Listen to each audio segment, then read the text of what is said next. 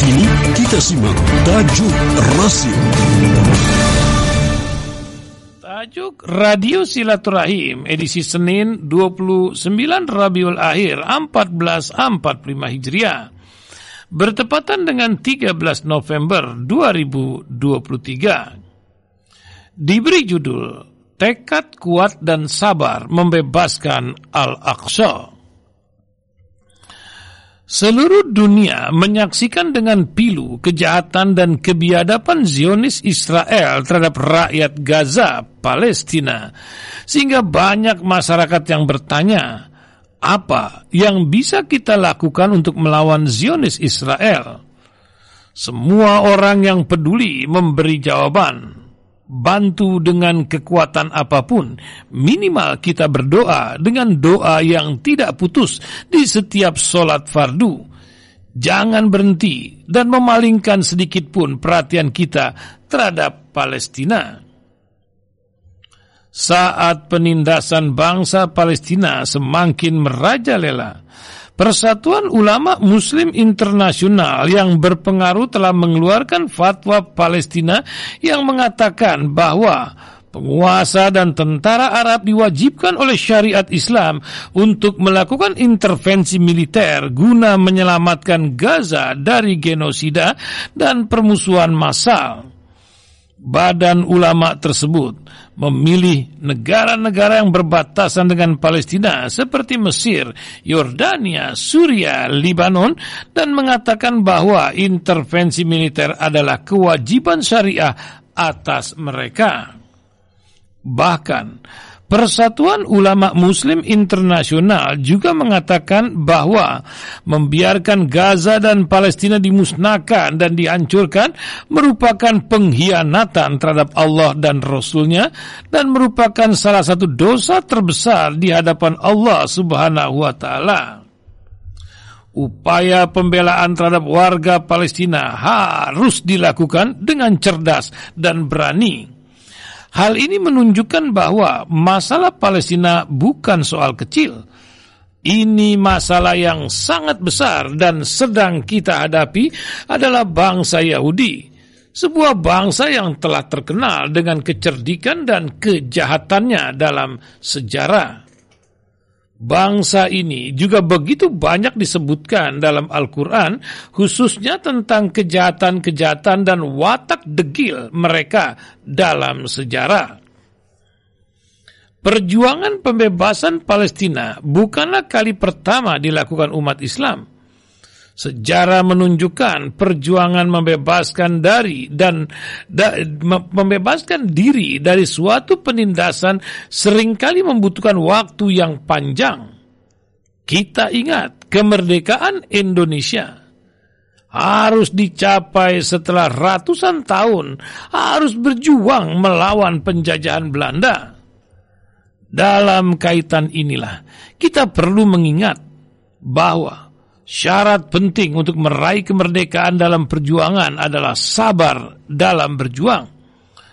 Wahai orang-orang yang beriman, bersabarlah dan perkuatlah kesabaranmu dan bersiap siagalah dan bertakwalah kepada Allah.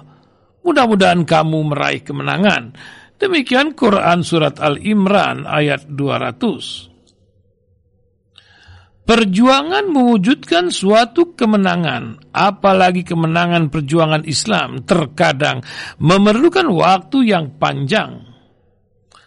Untuk dapat menaklukkan Konstantinopel, umat Islam membutuhkan waktu sekitar 800 tahun.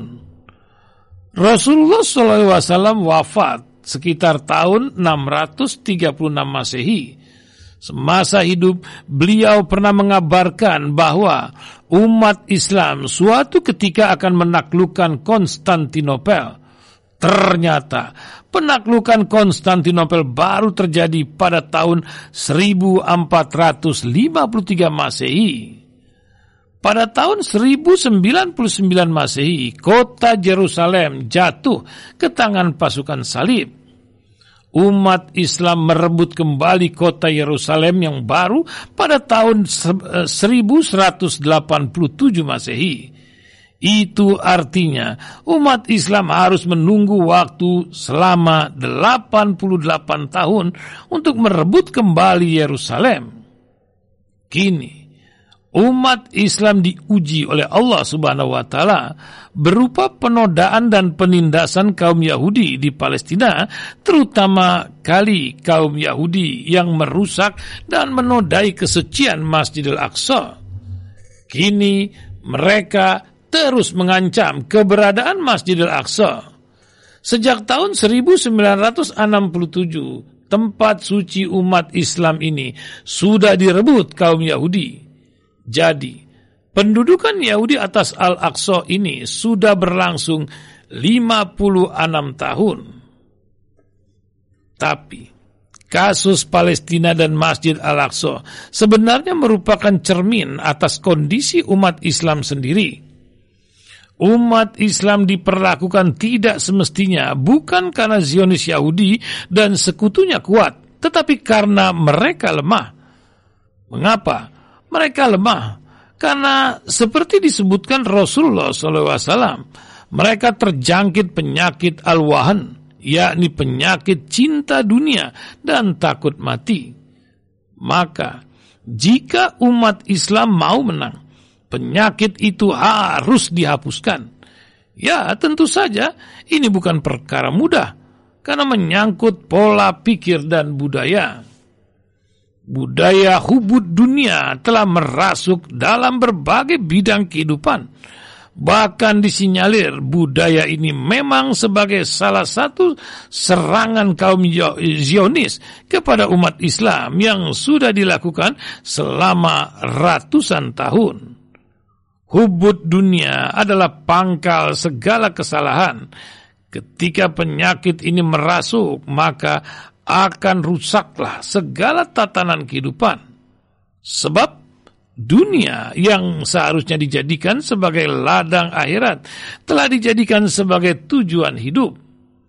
Jika hubud dunia telah merajalela, maka secara otomatis semangat untuk berjuang di jalan Allah akan memudar.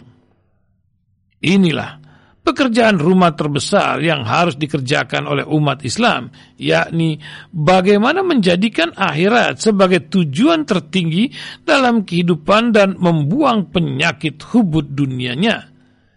Ini bukan pekerjaan mudah, karena menyangkut perubahan pemikiran dan pendidikan dengan tekad yang kuat dan kesabaran.